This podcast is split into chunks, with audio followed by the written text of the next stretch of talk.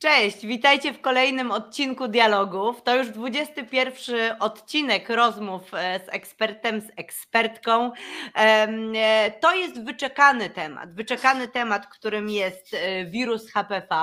Przypominam, że live odbywają się na Facebooku, natomiast później ich 15-minutowe fragmenty można obejrzeć na Instagramie. Wcześniej całe e, dialogi wrzucałam na Instagram, ale teraz jest 15-minutowe ograniczenie czasowe, więc nie mam wyjścia. I też e, dzień po publikacji dialogów e, na Facebooku, każdy odcinek pojawia się jako podcast na wszystkich platformach podcastowych, więc można posłuchać w samochodzie, podczas sprzątania i w różnych innych miejscach. Dziś mam wielki zaszczyt gościć ogólnopolski i nie tylko autorytet profesora Roberta Jacha. E, jest to autorytet w dziedzinie ginekologii onkologicznej, w dziedzinie kolposkopii, czyli badania, które staje się z roku na rok coraz ważniejsze, tak sobie pozwolę powiedzieć. Prezes Polskiego Towarzystwa Kolposkopii i Patofizjologii Szyjki Macicy, przewodniczący sekcji patologii szyjki macicy, kolposkopii i cytologii Polskiego Towarzystwa Ginekologów i Położników, tamtejszy wiceprezes prezes, autor niezliczonej ilości publikacji. No pełne bio możecie zobaczyć w opisie tego live'a, ponieważ nie sposób tak przeczytać je na początku, bo takie jest to obszerne. Bardzo się cieszę, że przyjął Pan zaproszenie. Dzień dobry, Panie Profesorze. Dzień dobry Pani y, redaktor, Pani Agro, dzień dobry Paniom. Cieszę się, że oglądają nas Panie. Zamieniam się w słuch i służę swoją radą, wiedzą. Bardzo dziękuję. E, przypominam, że można zadawać pytania panu profesorowi. Wszystkie pytania piszcie na czacie, a e, gdy ja zadam swoje, to wtedy dostanę do ręki listę z waszymi pytaniami i będę mogła na nie, e, będę mogła je przekazać panu profesorowi. Okej, okay, nim spytam o wszystkie te tematy, które ja w ogóle jak e, napisałam na Instagramie, że będzie live o HPV z panem profesorem i zapytałam, czy może ktoś ma jakieś pytanie, to tych pytań chyba dostałam ze 100. Natomiast nim zapytam o te wszystkie rzeczy, które, które tak by były tłumnie pisane, czyli o zarażanie, o szczepienie, o leczenie, o związek z rakiem i tak dalej, to najpierw chciałabym zapytać, czym w ogóle jest wirus HPV? O czym my właściwie rozmawiamy? Co to jest takiego i co to znaczy, że to jest wirus? Czy to jest bardziej jak wirus grypy, czy bardziej jak wirus HIV? O czym my właściwie rozmawiamy w tym odcinku? E, pewnie każdy z nas miał jakieś tam doświadczenia na biologii, coś się uczył o wirusach, więc wiemy, że to jest taka mała cząsteczka DNA, w tym przypadku o wirusie HPV, czyli Human Papilloma Virus, wirus brodawczaka ludzkiego, taki jest akronim angielski. To jest podwójna nić DNA składająca się tam z 350 par zasad DNA, prawda, DNA. To są wirusy, które należą do tak zwanej papilomawiridy rodziny. Ich jest tam alfa, beta, gamma, delta, wiele rodzin, bo tych wirusów jest ponad 200 typów zidentyfikowanych. I ta podwójnie kulista nić DNA otoczona jest taką y, osłonką, nazywamy to kapsyd, składająca się z 72 kapsomerów, czyli to jest taki materiał informacyjny zapisany w DNA, opakowany w immunogenny kapsyd. Jak Państwo wiedzą, pewnie większość z nas się spotyka z wirusami komputerowymi niż y, ludzkimi no to wiemy, że wirus komputerowy sam nie może się rozmnożyć, żeby spowodować coś dobrego albo zazwyczaj coś złego i musi wykorzystywać inne programy komputerowe, żeby na nich się namnożyć. I tak samo jest z wirusami. Wirus sam z siebie, bo pamiętajmy, że życie z definicji ma za zadanie, każda istota żywa ma za zadanie utrzymać siebie przy życiu, utrzymać życie i dać potomstwo. I wirus, żeby utrzymać się przy życiu i żeby dać potomstwo, żeby się rozmnożyć, musi wykorzystywać nasz materiał genetyczny, czyli tutaj konkretnie, jeżeli mówimy o wirusach brodawczaka ludzkiego HPV, tych onkogennych, on wykorzystuje dojrzewanie się komórek nabłonka płaskiego i gruczołowego szyjki makicy. Jak one się rozmnażają, te komórki, bo rozmnażają się, złuszczają się, to wirus jak się buduje w takie komórki, on wykorzystuje ten cykl dojrzewania keratynocyta, żeby spowodować rozmnożenie siebie, prawda? Z jednego wirusa powstaje 10, 20, 50 potomnych cząsteczek i to, że on spowoduje ten wirus e, jakieś zaburzenia u nas, to też jest dla wirusa nieszczęście, bo on też ginie, nie? To jest takie e, lose-lose, e, loss-loss situation. Czy to jest wirus grypy, czy to jest wirus HIV? Ani taki, ani taki. Wirus grypy daje objawy zapalenia. Klasyczna hipokratysowska triada tumor, kalor, dolor, nie? czyli powstaje obrzęk, tumor, kalor, jesteśmy zaczerwienieni i dolor, boli nas. Mamy katar, mamy wydzielinę. Wirus, y, wirus brodawczaka ludzkiego, zakażenie tym wirusem rozgrywa się epiteliotropowo, czyli on się rozgrywa tylko w nabłonku i nie przechodzi do krwiobiegu, w związku z tym nie powoduje takich reakcji. My o tym jest, nie, nie jesteśmy świadomi, że takie zakażenie może się u nas toczyć, a jak go wykryjemy metodami mm, takimi cytologicznymi, kolposkopowymi, molekularnymi najlepiej, no to to świadczy o tym, że ten wirus już, już zaczął być aktywny. Czy to jest wirus HIV? Nie, wirus HIV, Human Immunodeficiency Virus, to jest wirus, który powoduje zaatakowanie limfocytów, a więc innych komórek, czyli komórek układu krwionośnego, powodując ich niszczenie i to powoduje osłabienie odporności człowieka z całym spektrum zespołu AIDS, y, Acquired Immunodeficiency Syndrome, co do niedawna było chorobą śmiertelną, prawda? Teraz wszyscy, wszystkie znane osoby, odpoczynając od Freddie'ego Merkurego i tak dalej, pewnie mieliby szansę na przeżycie. Bo wiedza się rozwija, również wiedza w stosunku do wirusa HPV. Mhm. E, panie profesorze, to jak pan opowiada o tym wirusie, brzmi jakby to było coś absolutnie rzadkiego. Natomiast e, wiemy, że e, cztery, znaczy tak czytałam, że cztery na pięć współżyjących osób ma w swoim życiu realny kontakt z tym wirusem, więc jest on jakiś super powszechny. A ja jako, e, e, jako e, osoba niewykształcona w medycynie, tak jak mówię, jak, jak słucham tego, co Pan mówi, to wydaje się, że to jest aż niemożliwe. Jak to możliwe, że ten wirus jest tak powszechny i czy rzeczywiście tak jest? Ma Pani rację, Pani, Pani Ago, ten wirus jest tak powszechny, jak powszechne jest życie i rozmnażanie się człowieka. My tak naprawdę nabywamy tej wiedzy lawinowo, począwszy od badań profesora Haralda Zurhausena z Wiesbaden, który, którego badania zaowocowały w 2008 roku otrzymaniem przez niego i jego zespołu Nagrody Nobla w dziedzinie fizjologii i medycyny za odkrycie związku przyczynowo-skutkowego między przewlekłym zakażeniem HPV a pewnymi nowotworami, głównie rakiem szyjki macicy. Jak profesor Harald Zurhausen, który był u nas w Krakowie, tutaj w tym gabinecie, w którym siedzę na zaproszenie mojego szefa, profesora Basty i mojego, jak on opowiadał, jak, z, jakimi, z jaką niewiedzą i ignorancją się e, spotykał wśród ludzi nauki, prawda? Też wtedy panowały przekonania, że rak szyjki macicy jest spowodowany wirusem opryszczki, albo może tam pewnymi promiskuityzmami i tak dalej.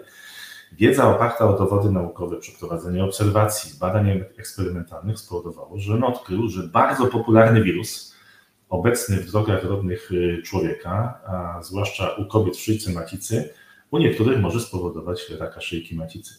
Badania epidemiologiczne, między innymi naszej grupy, badaczy brytyjskich, badaczy amerykańskich z grupy San Jose, badanie Moreno, badanie mm, Weizenstena, to są te, takie nazwiska w epidemiologii dość znane, pokazały, proszę Państwa, że jest to jeden z najbardziej rozpowszechnionych wirusów na świecie i były te wirusy już w czasach e, prehistorycznych, w materiale DNA człowieka e, przedhistorycznego odkryto również wirusa. Wirus, ja śmiem twierdzić, że jest to wirus saprofityczny i każdy, kto kiedykolwiek będzie z nas chciał się rozmnożyć, ma szansę spotkać się z tym wirusem. Dlatego, że wirus związał całe swoje życie i strategię przetrwania właśnie z tokiem dojrzewania, różnicowania się komórek, nabłonków narządu rodnego u kobiet, narząd rodny, ale też narządu płciowego u mężczyzn. My też wiemy, że te wirusy są bardziej powszechne. Niektóre z nich powodują pewne y, nowotwory głowy i szyi, nowotwory penisa, nowotwory odbytu, e, ślinianek i tak dalej, ale popularne brodawki, które Państwo mają na skórze, czasami spotykane, to też są wirusy brodawczaka ludzkiego, HPV, więc my jesteśmy, proszę Państwa, tak jak podobno nasz organizm tam w 3 kg składa się z, z bakterii różnego rodzaju, drobnoustrojów, wśród nich znajdują się również te wirusy HPV. I to, że my nie wykrywamy tego wirusa u każdej osoby, to chwała nam za to, dlatego że nasz układ immunologiczny jest sprawny. Ja powiem tu Państwu więcej. Codziennie w naszym organizmie każdego człowieka, nawet małego, zdrowego dziecka, powstają komórki nowotworowe. Bo komórka jest podstawową formą życia i ona jest zdrowa, nabywa pewnych nieprawidłowości i ma za zadanie albo obumrzeć w mechanizmie apoptozy i być wydaloną, albo przekształcić się w komórkę nowotworową. Niektóre z tych komórek przekształcają się w komórki nowotworowe, natomiast nasze zdrowe mechanizmy wrodzonej odporności NK killers immunogennej powodują eliminację takich komórek. Podobnie jest z wirusem. No, proszę Państwa, gatunek ludzki musi przetrwać, musimy każdy z nas osobniczo przetrwać, przeżyć do starości albo do młodości. Chcemy być wiecznie młodzi, ale też musimy przetrwać w naszych pokoleniach. Nie? Dajemy nasze geny, łączymy się w pary, przekazujemy te, te nasze połowy DNA drugiej połowie i łączy się z tego nowy człowiek. I ten człowiek w akcie płciowym mamy możliwość wepchnięcia, przepraszam, tak mówię brutalnie i, i naiwnie troszeczkę, tych wirusów, które są na naszych drogach rodnych. Pytanie, czy nabywamy je od swoich partnerów, czy mamy je, otrzymujemy w drodze transmisji wertykalnej z matki na płód. I takie badania też są. Mhm. No właśnie o to zarażanie i o tę transmisję chciałabym teraz Pana zapytać. Mhm. Jak można zarazić się wirusem HPV?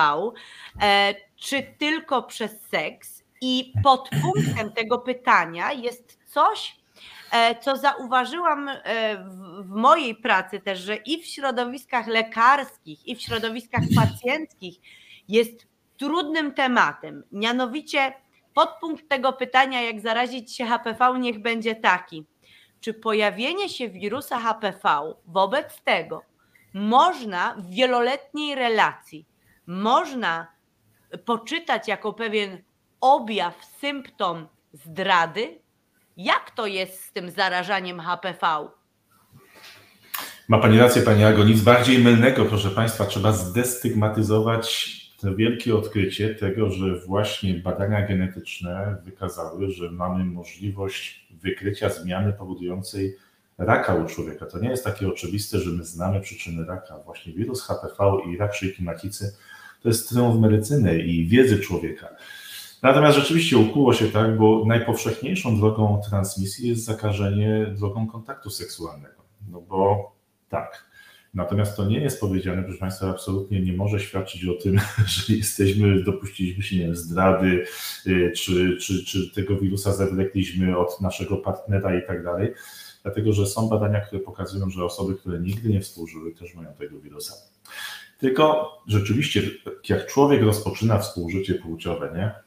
Celem prokreacji, celem budowania relacji i tak zwany viral load, czyli liczba tego y, y, wirusa na komórkę, może być pewnym czynnikiem ryzyka wprowadzenia tego wirusa do tak zwanej strefy transformacji, czyli pewnej granicy międzynabłokowej, która znajduje się w szyjce macicy. Tak wygląda w schemacie szyjka macicy, w którym każdy z nas się rodził, przychodził na świat, chyba że był wyciągnięty przez ginekologa drogą cięcia cesarskiego, jak Juliusz Kaiser Cezar. No to proszę Państwa, tam jest granica między nabłonkiem wielowarstwowym płaskim i nabłonkiem gruczołowym. I to są takie obszary dynamicznej zmiany u człowieka. U kobiety to szczególnie, jak jeszcze miesiączkują, co miesiąc się to zmienia, jak jest kobieta w ciąży, to jeszcze się zmienia, potem po ciąży się zmienia, bierze tabletki antykoncepcyjne, się zmienia, starzeje się, zmienia się, przechodzi w menopauzę, zmienia się. Czyli tam zachodzi u człowieka tak zwana metaplazja płaskonabłonkowa. Tam zachodzą silne podziały komórkowe, dzielą się komórki somatyczne, podobnie troszeczkę jak w okresie rozrodu, jak dziecko y, w łonie matki w macicy się rozmnaża, nie? Z pojedynczej komórki dzieje się na dwie komórki, potem 8, 4 komórki, 8, 16 blastomery i tak powstaje człowiek. No więc taka sytuacja u kobiet jest, że tam są takie pewne komórki, które szybko się dzielą jak w życiu płodowym. I jeżeli tam zawleczemy wirusa, i będzie to wirus tak zwany wysokiego typu y, ryzyka onkologicznego typu 16, 18, 31, 33, 35, 52. Jest tych wirusów co najmniej 14 takich zdefiniowanych wysokiego ryzyka. To on sprzyjający okolicznościach. Jakie to są sprzyjające okoliczności? Pewna predyspozycja genetyczna, o którym się coraz częściej mówi, że są osoby narażone genetycznie na nowotwory złośliwe, pewne niedobory odporności. Ludzie, którzy przeszli AIDS, ludzie, którzy przeszli y, leczenie onkologiczne, ludzie, którzy przyjmują sterydy, bo mają RZS, bo mają choroby autoimmunologiczne, ludzie, którzy mają pewnego rodzaju y, niedobory odpornościowe, stąd też ja pracując tam za nie widzę ludzi niedożywionych. Y, to, to jest sytuacja, która sprzyja temu, że ten wirus się świetnie rozwija. Broń Boże, nie możemy mówić o tym, że wirus jest markerem promiskuityzmu płciowego, że świadczy o jakiejś zdradzie. Zwróćcie Państwo uwagę, co się dzieje. Piersi kobiece są atrybutem piękna, ale też seksu. Ba, ja, ja, bardzo przed tym przestrzegam. Y, one są trywializowane, one są wulgaryzowane. Przepraszam, ale pani z kwieciami sprzeda taczki, samochód, bieliznę i tak dalej i nie mamy z tym problemu. Prawda? Z obnażaniem piersi i tak dalej. Natomiast tutaj, jak mówimy o rozrodzie, o czymś, co towarzyszy relacji y, damsko-męskiej, to nagle pojawia się jakieś takie niezdrowe zainteresowanie pewnych polityków, pewnych y, organizacji religijnych czy jakichś innych, proszę Państwa, nic bardziej mylnego. Prawem i obowiązkiem człowieka jest rozmnożyć się, zbudować relacje, no a to, że my wiemy przy okazji od kilkudziesięciu lat, że wirus rodawcza kolickiego tam jest, no to z tego wysnuto taką, taką jakąś dziwną teorię. Faktem jest, pani redaktor, że osoby, które mają wiele dzieci, wielodzietność, y, powyżej 4 do 5 porodów siłami natury, sprzyja też wbudowywaniu się tego wirusa do nabłonka wielowarstwowego płaskiego, ale mówimy o porodach siłami natury. Bo zwróćcie uwagę Pani, jak dziecko się rodzi, rozwiera się ta szyjka macicy, czasami pęka i znowu ona się goi. I ten mechanizm metaplazji wykorzystywany jest przez wirus. Zauważano też, że osoby posiadające dużą liczbę partnerów seksualnych, równocześnie albo po sobie, prawda, i tak dalej, wprowadzając infekcje bakteryjne, tutaj mówimy, mówimy o chorobach wenerycznych, to wszystko powoduje przewlekły stan zapalny w organizmie, który znowu wykorzysta wirus. Ale per saldo sam wirus nie jest y, wykładnikiem promiskuityzmu, chociaż zaliczany jest do jednych z najczęstszych przenoszonych chorób drogą kontaktu seksualnego, natomiast sama obecność wirusa nie jest chorobą bo to, że ktoś ma wirusa, tak jak z y, bakteriami GBS, nie? Panie, które są w ciąży i przechodzą przed, przed, przed do, na badania ginekologiczne, mają w trzecim trymestrze obowiązkowo badanie na nosicielstwo y, GBS-ów, prawda? I tego nie leczymy, tylko dajemy antybiotyk przed porodem, żeby nie dawać, nie przekazywać tego dziecku, nie utwarać w, w populacji. I tutaj mamy też dobre rozwiązanie, jeżeli chodzi o wirus HPV, to jest wielki triumf medycyny, dysponujemy szczepionkami profilaktycznymi przeciwko wirusowi HPV. Mhm. O szczepionki jeszcze pana profesora zapytam.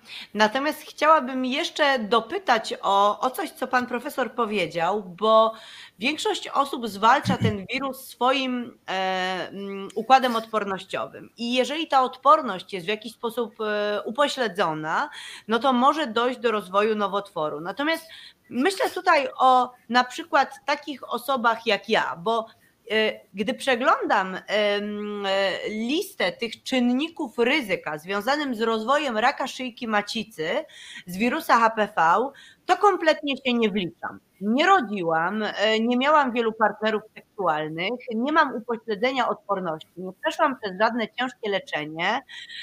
Wydaje mi się, że żyłam dość zdrowo, a mimo to rozwinął się w moim ciele rak szyjki macicy.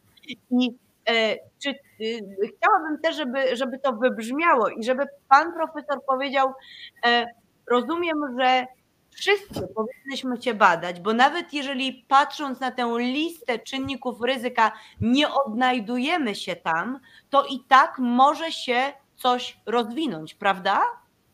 Znakomity punkt widzenia, proszę pani, pani proszę pani, proszę państwa, który poruszyła pani Agata. Ja powiedziałem, że my nie znamy wszystkich czynników ryzyka. Ktoś, kto odkryje istotę raka, otrzyma nagrodę Nobla, Nobla i będzie zbawicielem świata, nie? Bo nowotwór w pewnym sensie jest alternatywą śmierci dla komórki, a że ginie gospodarz, to jest inna sytuacja. Nie znamy wszystkich czynników ryzyka. Coraz częściej mówi się o pewnej predyspozycji genetycznej. To po pierwsze, są ludzie, którzy są narażeni na pewne choroby, na cukrzycę, na choroby nowotworowe, na łysienie, etc., na zmarszczki, na przedwczesną demencję. Ale proszę Państwa, pragnę podkreślić coś jednego. Żyjemy w kraju bogatym bardzo. Pani, Agata chodzi, pani Aga chodziła na badania przesiewowe, chodziła do lekarzy, chodziła na cytologię pewnie. Żaden test screeningowy nie jest stuprocentowo skuteczny, nie jest dokładny.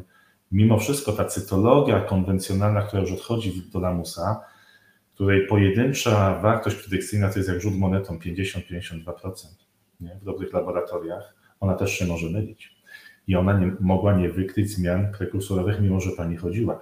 Rak rozwija się długie lata, 10-15 lat podstępnie od tego zakażenia wirusa HPV poprzez pojawienie się pewnych komórek patognomicznych w cytologii, tak zwanych komórek e, kolocytów, później pojawia się dysplazja w szyjce macicy, zmiany śródnabłonkowe nazywane dawniej CIN2, CIN3, teraz mówimy HACIL, LCIL. Wreszcie pojawia się zmiana przedrakowa rak in situ, który nie daje żadnych objawów. I można tego raka nie wykryć w normalnych badaniach przesiewowych. Ginekolog w badaniu ginekologicznym też tego nie wykryje. Jak się już pojawi guz, który daje krwawienie, plamienie, to zazwyczaj mamy do czynienia już z pierwszym stopniem nowotworu. I to słusznie Pani Ago Pani powiedziała, każdy z nas jest narażony. Badajmy się, obserwujmy swoje e, organizmy, swoje zwyczaje, choćby na badania profilaktyczne, na badanie Pani na badanie piersi, do badania ginekologicznym. Mam nadzieję, y, już mamy te, y, te testy, testy molekularne wykrywające y, obecność wirusa DNA HPV w organizmie są dużo skuteczniejsze niż cytologia konwencjonalna, a nawet cytologia na podłożu płynnym, tak zwana cytologia cienkowarstwowa, o której mówimy. I to dalej też nie jest ostatni krzyk mody, są nowe badania, są badania mówiące o badaniach immunocytochemicznych P16 i 67, geny, metylacja, coraz więcej mówi się o genach metylacyjnych.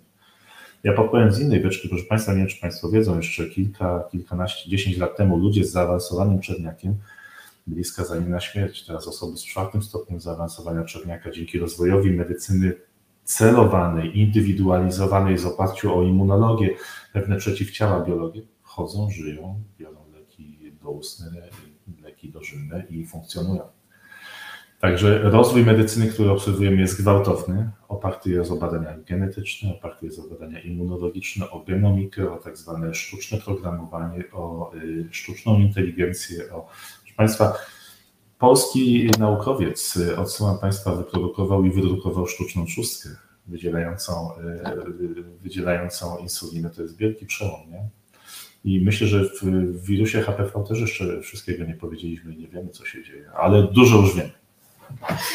Bardzo się cieszę, że Pan to mówi, bo wiem, że bardzo wiele osób, które e, mnie obserwują, to pacjentki, pacjenci onkologiczni, a nadzieja w medycynę, w, szczęście i, i, i w jakość życia to jest to, co bardzo, bardzo chciałabym promować.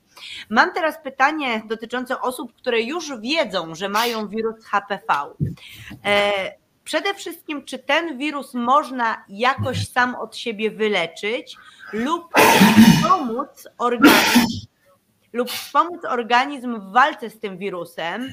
Tutaj też oczywiście trochę chodzi mi o, nie chcę tutaj podawać nazw, ale różnego typu specyfiki, które są reklamowane jako takie, które pomagają w sytuacji zarażenia wirusem HPV. Później docieramy w internecie do różnych artykułów, które e, bardzo krytykują te różne specyfiki. Czy HPV można wyleczyć albo jakoś się wspomóc mając ten wirus, czy jest to bójda na resorach i zdzieranie pieniędzy? Bardzo dobre pytanie, proszę Państwa. W chwili obecnej e, evidence-based medicine, czyli medycyna oparta o fakty naukowe mówi, że jak mamy tego wirusa, to ten wirus w większości przypadków ma tak zwaną natura, historię naturalnego przebiegu. To, co powiedziała pani Aga, w 80% przypadków my tego wirusa po roku, dwóch nie będziemy wykrywać. Nawet wirusa o wysokim potencjale onkogennym. Jak już tak każdego w Polsce, każdą panią, każdego pana zbadali i z tych 100% osób, które mają dzisiaj wirusa HPV, nie wiem, 16, za rok, półtora, 80% z nas nie będzie miało tego wirusa. To znaczy nie będziemy go wykrywać obecnie dostępnymi metodami biologii molekularnej czy immunocytochemią i tak. Natomiast te pozostałe 20% ludzi będzie miało tak zwane przewlekłe zakażenie wirusem HPV. I to przewlekłe zakażenie HPV znowu może być w stanie stacjonarnym, jak pokazały piękne prace Ostora z lat 90., ale niektóre z tych pań, 40 do, 30, do 45%, będzie ulegać progresji i pojawią się pierwsze komórki nieprawidłowe, później pojawią się zmiany w nabłonku, no i w pewnym momencie trzeba to już leczyć. My w badaniu wirusologicznym, jeżeli mamy przewlekłe zakażenie HPV, wiemy, że jesteśmy w pewnej grupie ryzyka.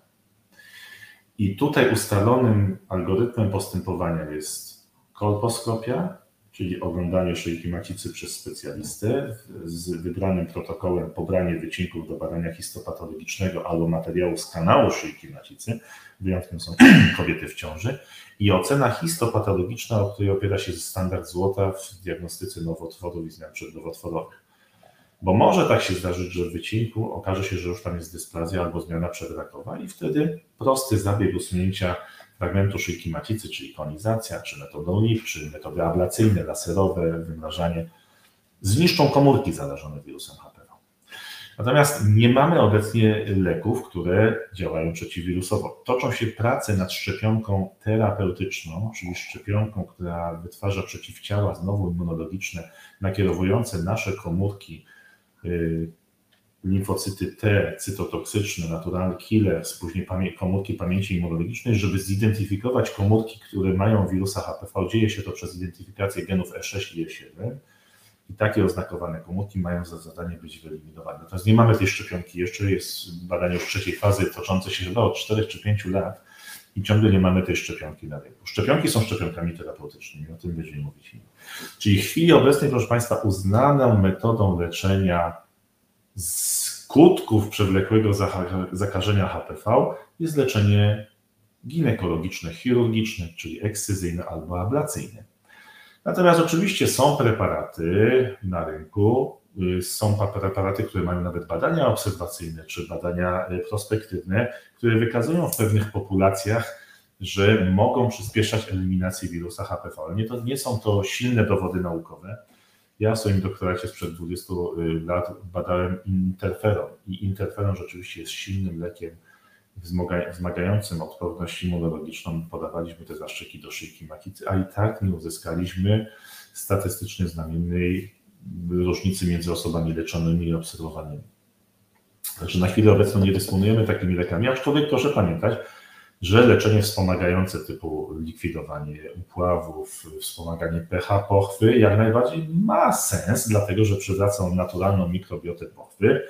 No i tych preparatów na rynku jest multum, każdy z lekarzy ma prawo przepisać pacjentce, bo wiecie Państwo, y, wiedzą Panie, Przychodzi pacjentka, mówi, profesorze, doktorze, mam zakażenie HPV. No i lekarz mówi, no dobrze, zakażenie HPV jest, nie daje objawów, zrobiliśmy cytologię, najlepiej na podłożu płynnym, zrobiliśmy nawet kolposkopię i nie ma zmian przedrakowych. No ale jestem w stresie.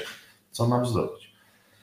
Proszę przyjść, mamy pewne algorytmy postępowania za pół roku na kontrolną cytologię, na kontrolne badanie wirusologiczne i tak dalej, bo my obserwujemy, czy ta naturalna historia zakażenia będzie szła w kierunku przez nas pożądanym, czyli eliminacji wirusa, czy znajdziemy się za ten rok, półtora w tej grupie tych 20% ludzi, którzy mają przewlekłe zakażenie HPV, gdzie nadzór nad tymi pacjentami powinniśmy stanowić nieco częściej, żeby wychwycić ten moment, kiedy wirus spowoduje tam jakieś zmiany, no to mówimy, zniszczmy te komórki i, i, i, i zaczynamy od Panie profesorze, mam taką obserwację osobistą związaną z e, tym, że zwiększa się ta e, świadomość społeczna dotycząca wirusa HPV. Sama zresztą bardzo mocno o to walczę. E, natomiast jest pewna ciemna strona tego zwiększania świadomości, ponieważ jeszcze ta świadomość nie jest na tyle duża, żeby powiedzieć, że wszyscy wszystko rozumiemy. I teraz e, tą ciemną stroną jest zrównywanie HPV i raka szyjki macicy, czyli nie, nieświadomość, niewystarczająca świadomość powiązań pomiędzy wirusem HPV i rakiem szyjki macicy. E, przez co niejednokrotnie na przykład dostałam na Instagramie wiadomość: Cześć Aga, mam HPV, czy to znaczy, że mam raka? Ba, nawet portale popularno-naukowe zdrowotne, te popularne, wypuszczają czasami jakiś artykuł, który na przykład ma chwytliwy tytuł pod tytułem HPV, czyli rak szyjki macicy. E, to jest bardzo, bardzo zła rzecz, no bo w tym momencie osoby, które mają dodatni wirus, e, dodatny wynik e, testu na HPV, są przekonane, że mają raka i że, i że, i że jest naprawdę, naprawdę źle. Natomiast też nie możemy tego bagatelizować, no i musimy cieszyć się z tego, że ta świadomość dotycząca HPV rośnie. Dlatego też chciałabym, żeby wyjaśnił Pan tę zależność i mam nadzieję, że to pomoże lepiej to wszystko zrozumieć. Więc jaki jest realny związek wirusa HPV i raka szyjki macicy? Jakie jest ryzyko, że ktoś, kto ma HPV, będzie mieć raka? Mhm. Bardzo dobre pytanie i nic bardziej błędnego, proszę Państwa, ale cieszę się, że świadomość rośnie, dlatego że niewątpliwie y, świadomość dotycząca y, roli HPV w nowotworzeniu u człowieka jest wielka. Po pierwsze, mamy zidentyfikowany czynnik, to znaczy wszystkie osoby, prawie wszystkie, bo są pewne grupy y, raka szyjki macicy, ale też innych nowotworów, które są HPV niezależne, które zachorowały na raka wcześniej w ich materiale znaleziono wirusa HPV ale to nie znaczy, że każda osoba zakażona HPV będzie miała raka szyjki macicy. To jest sylogizm wewnętrzny niespójny. Tych zakażeń wirusa nowych notowanych to jest, proszę Państwa, rocznie około 300-400 milionów y, zgłaszanych zakażeń, podczas gdy globalnie y, tego raka, y, przepraszam, 300 milionów, podczas gdy raka szyjki macicy mamy w granicach tam 1,5 miliona rocznie na świecie. Zatem istnieje związek, ale jak powiedziałem, jest ta historia naturalna i to legło u podstawy zmian paradygmatu myślenia o profilaktyce raka szyjki macicy. Oglądanie komórek przez osobę, cytopatologa, diagnosty laboratoryjnego jest obarczone błędem ludzkim. Dzisiaj zobaczę komórkę nieprawidłową, jutro będę zmęczony, nie zobaczę. Natomiast pobranie materiału też, tak na cytologię z szyjki macicy, na badanie obiektywne, molekularne, gdzie aparat mierzy sonda, zaświeci się materiał genetyczny DNA na czerwono lub się nie zaświeci, jest dla nas naukowców, klinicystów, lekarzy wielkim osiągnięciem, bo to nam pokazuje, że o, u Ciebie mamy wirusa, który już się pokazał. To znaczy, sprawdźmy Cię za rok, czy on dalej jest. Pewnie w większości przypadków go nie będzie, ale jeżeli jest po tych dwóch latach, to Ty jesteś w pewnej grupie ryzyka. Ciebie musimy częściej obserwować. Ten uzysk, proszę Państwa, który zyskujemy dzięki temu, jest taki, że przechodząc z cytologii na badanie molekularne HPV, my jesteśmy w stanie uratować y, ludzi przed zachorowaniem na raka szyjki macicy. I może tutaj mamy to pewnego rodzaju błędne koło, bo nam, ginekologom, onkologom, zależy na świadomości. Proszę pamiętać też, że firmom, które przechodzą z cytologii na testy molekularne, też zależy na podkręcaniu pewnej wiedzy na ten temat, a żyjemy w czasach, no, nomen omen, instagramowych, nie? Przekazujemy wiedzę w pigułce, więc taki chwyt HPV, rak szyjki macicy z jednej strony jest czymś złym, bo stygmatyzuje, ale z drugiej strony podnosi naszą świadomość. Pewnie upłynie trochę wody w Wiśle i zmienimy już Instagram na lepsze źródło, nie chcą wyjść TikToka albo jeszcze coś, co dopiero powstaje w głowach ludzi y, zajmujących się przekazem informacji, żeby to usprawnić. Natomiast nie można robić takiej prostej zależności. No można powiedzieć, że proszę Państwa, jak w latach 80., że wszyscy Polacy jeżdżący do, do Niemiec to byli y, złodzieje samochodów, nie? Wszyscy y, y, Rumuni, którzy do nas przyjeżdżali, to są Cyganie. No jedźmy do Rumunii, zobaczmy wykształconych ludzi. Wszyscy Ukraińcy to są źli, źli ludzie, wszyscy Rosjanie to są źli ludzie, wszyscy księża są pedofilami, wszyscy lekarze są złodziejami. Nie można tak bagatelizować. Świat nie jest czarno-biały świat wymaga pewnej kompetencji. Ja bardzo dziękuję Pani Adze, że mnie tutaj zaprosiła, bo ja bardzo mało wiem na temat tego wirusa. Im się głębiej zagłębiam w całą biologię, biologię molekularną, immunologię. To jest fascynujący świat. Natomiast takie proste powiązanie, instagramowe, jest dobre, też dobre, bo ono pokazuje, że jest jakiś związek między wirusem HPV a, a rakiem, ale to jest miecz obosieczny, bo on może spowodować, aha, ja mam HPV, to na pewno jestem promiskuityzmem, zdradzam męża, mm, nie dbam o siebie, broń Boże. Ale wiecie Panie, to nie jest tylko u nas. Niemcy wprowadzili dwa lata temu kotesting. Niemcy jako jedyny kraj przeszli z cytologii od razu na tak zwane kotestowanie. Wszystkim paniom robią z jednego pobrania i cytologię na podłożu płynnej HPV. Niemki miały ten dobry zwyczaj, że na urodziny nie, w niemieckojęzycznych krajach, Niemcy, Austria, Szwajcaria, tam Luksemburg, na, na rocznicę urodzin szło się do ginekologa i na cytologię. My wiemy, że coroczna cytologia jest y, nieopłacalna dla systemu. W Polsce prowadzono ją co 3 lata, nie? w Anglii co 5 lat. No i w tym, tym Niemkom, gdzie ta wiedza straszna naukowa spowodowała, słuchajcie, nie róbmy tym, tym Niemkom cytologii co roku, tylko przyjdźmy na kotesting. Jak masz Niemko, Helgo w Strasburgu, w Stralsundzie ujemną cytologię i ujemny wynik HPV, to przyjdzie do nas za 5 lat. Wiecie, co się stało? Niemki zaczęły protestować, że im się ogranicza prawo do badania. Chciałbym, żeby w Polsce tak było, że, że, że pacjentki protestują, że, że, możemy, że rzadziej chodzimy na badania, bo my nie chodzimy na badania. Ja nie pamiętam, kiedy byłem u swojego urologa, a my namawiamy pacjentki, byłem dwa lata temu, ale muszę znowu, e, miesiąc zapuszczania wąsów, bo te, listopad to jest miesiąc świadomości prostaty i u mężczyzn. A dla pań, proszę Państwa, y, gdyby panie chodziły, gdyby pacjentki wszystkie chodziły, nasze Polki w wieku tam od y, rozpoczęcia inicjacji seksualnej, czy od 18-25 roku życia do końca życia, raz na trzy lata na cytologię, nie mielibyśmy raka w Polsce. Ale pomimo to, te panie, które chodzą na badania cytologiczne, chwała Wam za to, przejście z cytologii na badanie HPV spowoduje, że uratujemy połowę was. To jest taka wielka, wielka zaleta tej, tej Chodźmy na badania. To jest e, postulat, który zawsze e, u mnie jest aktualny i otóż to, mówimy często, że e, nie ma badań i tak dalej, a e, patrząc chociażby na dane z województwa małopolskiego z zeszłego roku, na 260 cytologii, 260 tysięcy cytologii darmowych, które były dostępne dla mieszkanek Małopolski, wykorzystanych zostało, jeśli dobrze pamiętam, nieco ponad 40 tysięcy. Więc no dane mówią same za siebie. Ale e, wirus HPV to nie tylko rak szyjki macicy, ale również właśnie raki e, penisa, te w obrębie szyi? Mm, czy to jest realne zagrożenie, czy mówimy o jakichś ekstremalnie rzadkich, e, rzadkich przypadkach? Bo dostałam ostatnio takie pytanie na Instagramie, że skoro wirus HPV odpowiada również za to, to jak powinniśmy sprawdzać sobie szyję, jamę ustną e, i tak dalej. Czy to w ogóle ma jakieś zastosowanie, czy, czy jest to niepotrzebna panika? Panie profesorze, co z tym robimy? Mhm.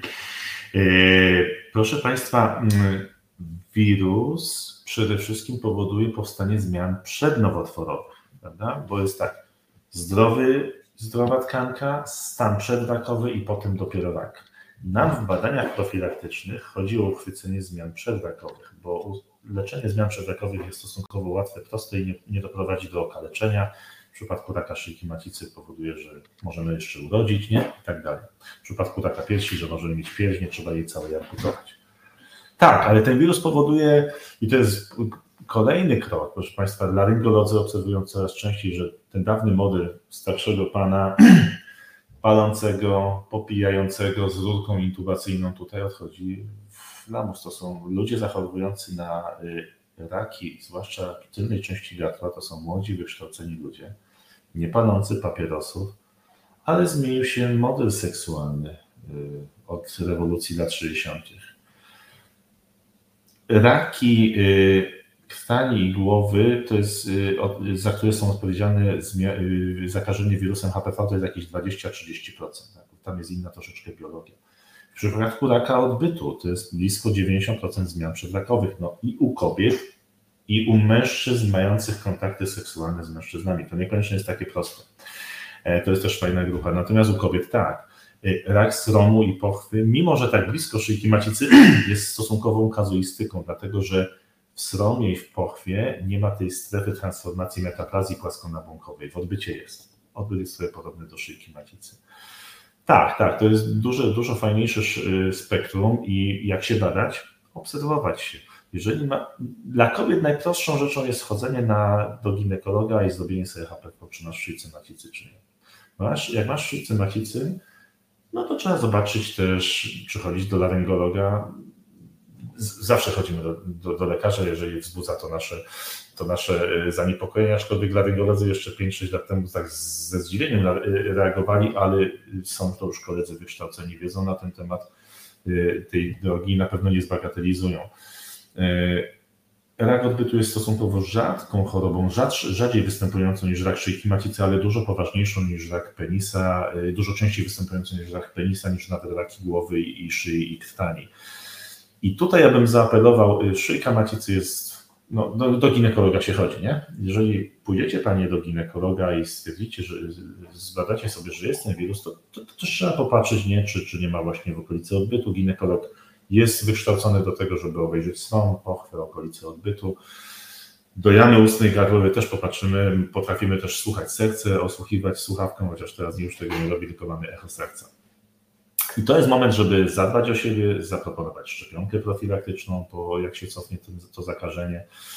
No i dbać o siebie, nie palić papierosów, dobrze się odżywiać. No i generalnie taka świadomość, nie? Tak, tak bym powiedział.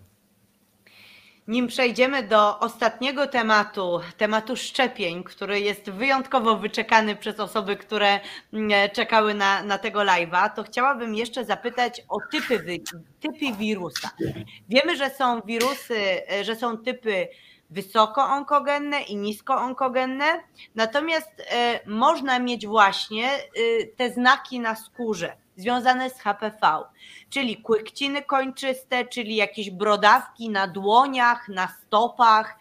I chciałam zapytać, czy e, to prawda, że te typy związane z tymi zmianami na skórze nie wywołują raka szyjki macicy i odwrotnie? Czy to jest coś zupełnie innego?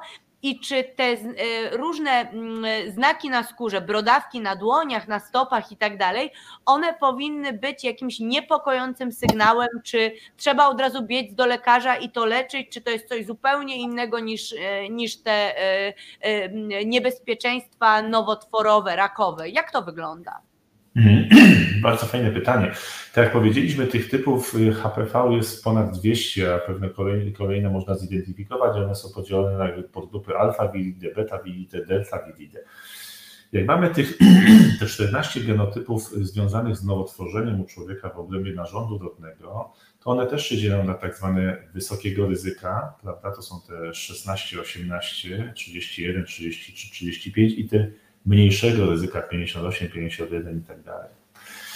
Natomiast są też tak zwane wirusy y, y, low risk y, epiteliotropowe z narządem rodnym związane typu 6, 11 to są te, które odpowiadają za kłykciny kończyste w obrębie sromu, w obrębie odbytu, na szyjce macicy też mogą być kłykciny nazywane wtedy brodawkami płciowymi.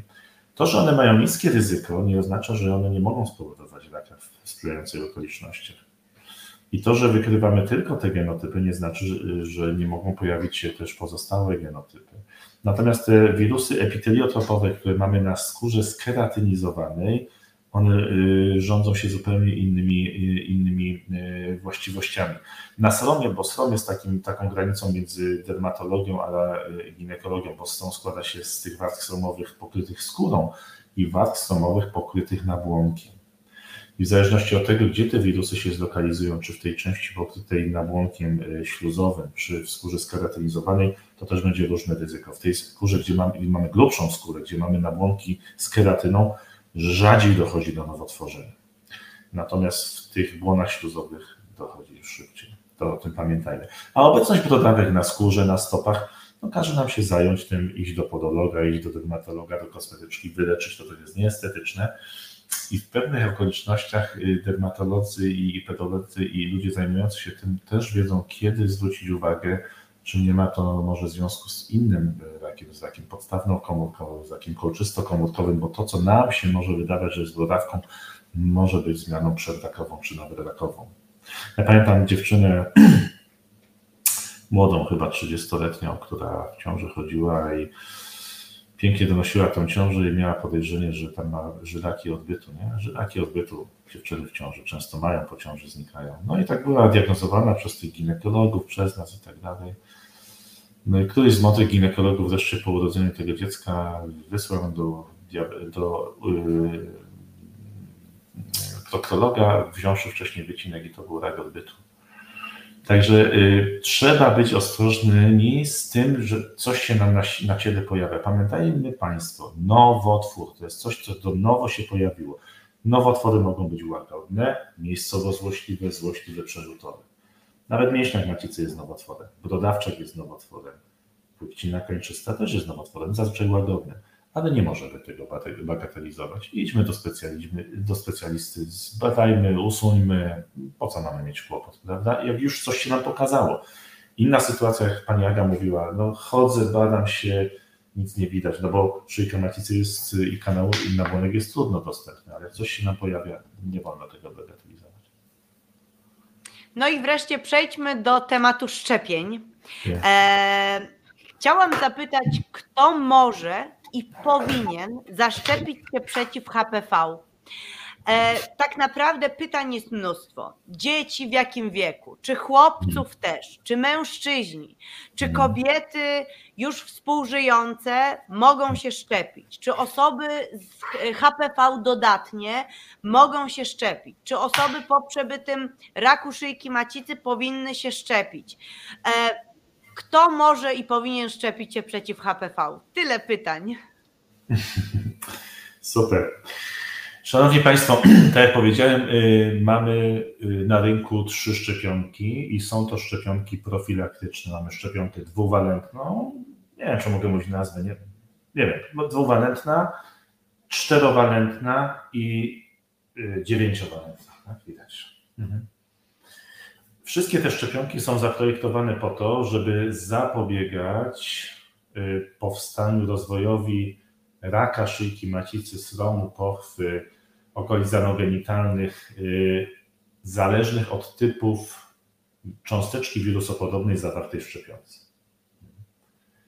Y, jak powiedziałem, szczepionki są bezpieczne, to nie są szczepionki żywe, tam nie ma wirusa, to są cząsteczki zawierające wirusopodobne cząsteczki.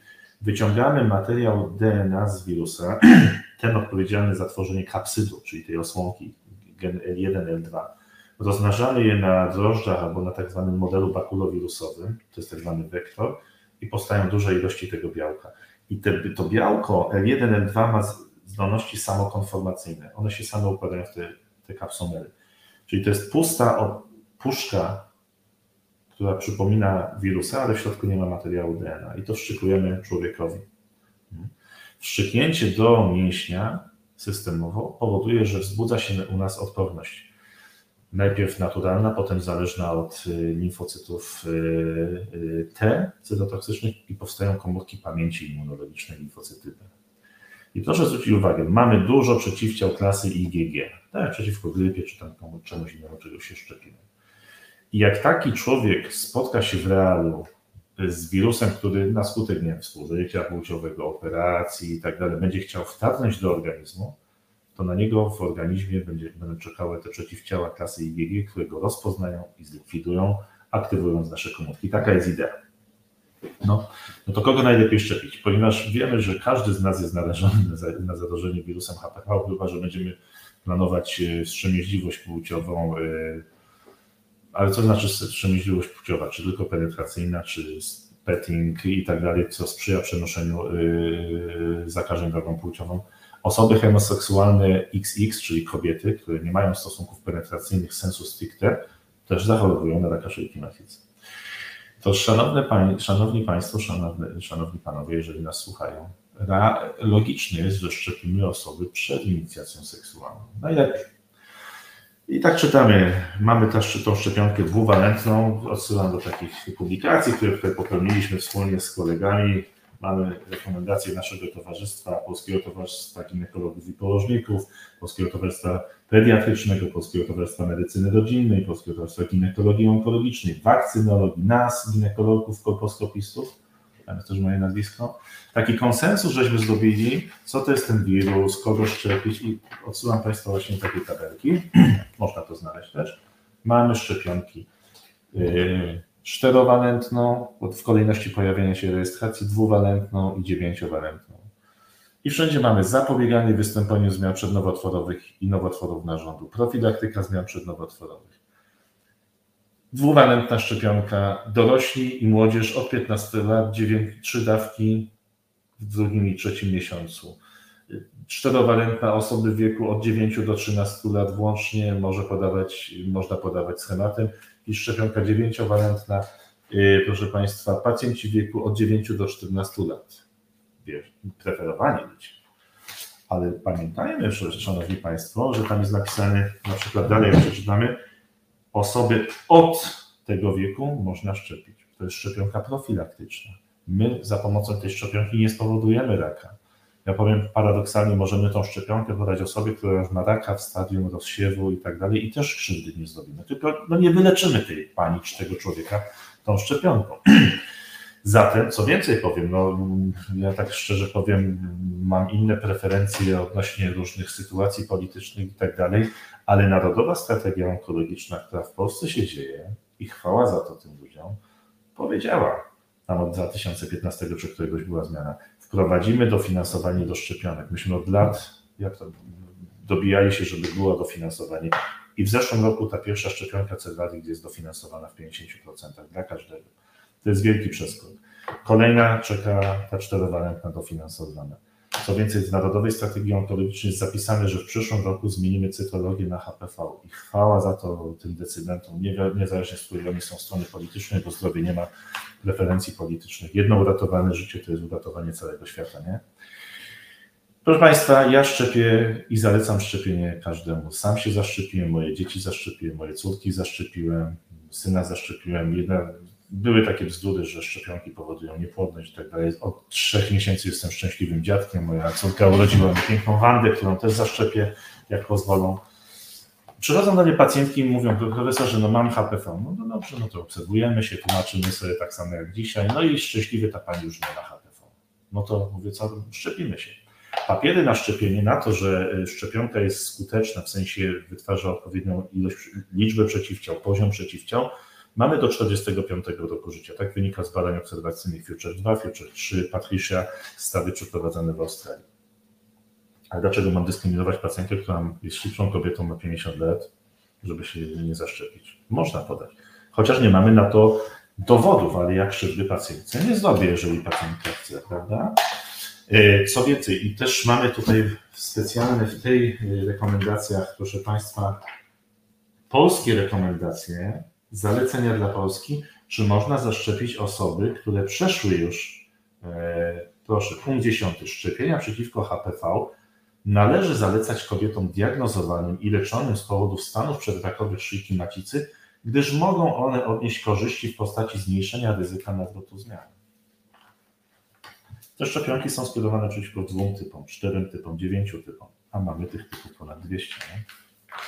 I istnieje coś takiego jak odporność krzyżowa. Jestem wielkim zwolennikiem szczepień, jednych czy drugich, czy trzecich oczywiście, dlatego że lepiej zapobiegać niż leczyć. Profilaktyka, proszę, pan, proszę Państwa, składa się z trzech elementów. Profilaktyka pierwotna, profilaktyka wtórna i trzeciorzędowa.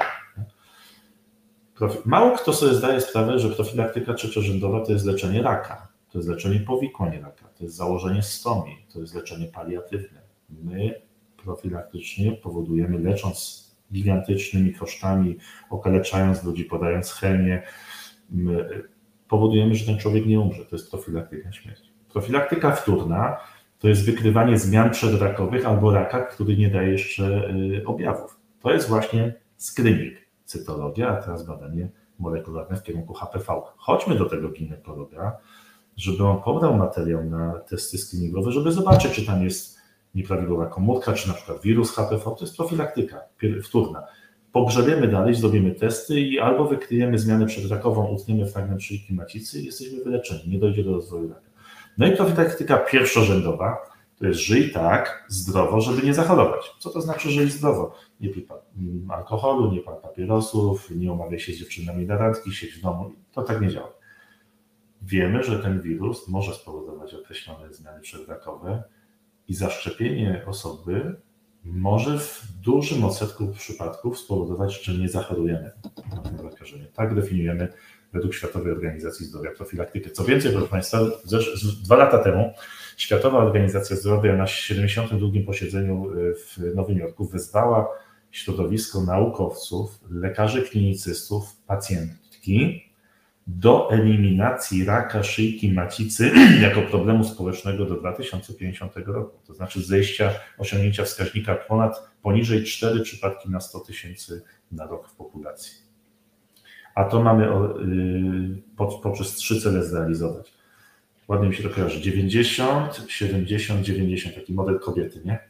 90% na świecie dziewczynek zaszczepionych przeciwko HPV, 70% kobiet, które mogą, przynajmniej raz będą zdiagnozowane w kierunku raka szyjki macicy cytologią czy założeniem wziewnika. Ja pracuję w Tanzanii, tam stosujemy tak zwane VIA w Stanach Zjednoczonych, gdzie mam też przyjemność pracować, stosujemy inne metody.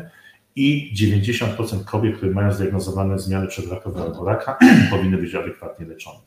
Europa jest bogatszym krajem. Dla Europy, dla Stanów Zjednoczonych te, ta triada WHO polega na tym, żeby 90% i chłopców i dziewczynek do 15 roku życia zaszczepić przeciwko HPV, 70% kobiet y, y, poddanych HPV zależnej y, strategii screeningowej, czyli co roku, czy co 3 lata, czy co 5 lat, i to będziemy realizować od przyszłego roku, dzięki pomocy też powiem wprost rządowi, zmieniamy to, będą panie to będzie też wielka robota dla Pani, Pani Agro, dla Pani, żeby się przyzwyczaić do tego, że nie, nie chodzimy na cytologię, tylko chodzimy na HPV. No, no ale nic się nie zmienia, trzeba materiał poddać. I 90% kobiet ze zdiagnozowanymi zmianami przedrakowymi, czy rakiem poddanych leczeniu do trzech miesięcy. Dużo przed nami jeszcze, bo jak Pani sama zauważyła, no wiele z nas nie chodzi na badania. Tak. Za 8 dni minie dokładnie rok od tego wydarzenia w Światowej Organizacji Zdrowia, więc jest, jest, jest co robić, jest, jest o co walczyć. Mam tutaj pytania od naszych widzek. Pierwsze pytanie jest od Kasi. Kasia pyta, po jakim czasie mówi się o przewlekłym zakażeniu wirusem HPV? Czy po pięciu, sześciu latach od zakażenia jest jakaś szansa, że wirus zniknie? Aha. Tak, y, y, przewlekłe zakażenie jest definiowane różnie. W Wielkiej Brytanii, w krajach y, dawnego UK Commonwealthu to jest 12 miesięcy, w pozostałym świecie, w pozostałym świecie to jest 18 miesięcy, czyli co, jak po półtora roku stwierdzamy ten sam typ wirusa, czy genotyp, mówimy o przewlekłym zakażeniu HPV. Czy zdarzają się spontaniczne remisje po takim okresie? Zdarzają się. E, no, ale rzadko się zdarza, że ten wirus przez okres pięciu lat nie spowoduje jakichś zmian. On pewno spowoduje jakieś zmiany typu ASCUS w cytologii, ELSI i tak dalej, co spowoduje, że już jakieś działania medyczne będą robione, czy poprzez te właśnie leczenia wspomagające globulki i tak dalej, czy przez e, nawet e, działania wycinkowe, kolposkopowe, to też już jest działanie. Ale tak, istnieje możliwość oczywiście. Mhm. Nawet Teraz... zmiana przedrakowa typu HASIM może być przez. Były takie badania nieetyczne, nie, może, nie możemy ich cytować w latach 70. w Nowej Zelandii, y, tak zwanego doktora Greena, który tak właśnie obserwował pacjentki. Nie mogę tego powiedzieć, ale już powiedziałem to nazwisko, to Państwo znajdą w internecie. Mhm. Mamy pytanie od Luizy. Luiza pyta, czy przed zaszczepieniem 12-letniej córki muszę sprawdzić, czy ma już w sobie wirus HPV i czy to prawda, że można się nim zarazić na basenie. Wszędzie się można zarazić wirusem HPV y, i nie ma obowiązku i nie ma podstaw do tego, aby wykonywać testy y, wirusologiczne y, u dziewczynek. Osoby, którym rekomendujemy screening, na razie cytologiczne, a od przyszłego roku, albo powiem jak to jest w Niemczech, y, od 25 roku życia rozpoczynamy screening, więc nie ma obowiązku i nie powinniśmy wręcz badać osoby, osoby na obecność wirusa HPV. Nie ma takich zaleceń. Natomiast 12-letnia osoba to jest y, pacjentka pediatryczna. To z pediatrą trzeba ustalić. Mhm. Ale nie, nie, nie, nie bada się. No i jeszcze pytanie od Kasi. Kasia pisze tak. Jestem po zabiegu konizacji. Właśnie otrzymałam wyniki badań na HPV i wirusa nie wykryto.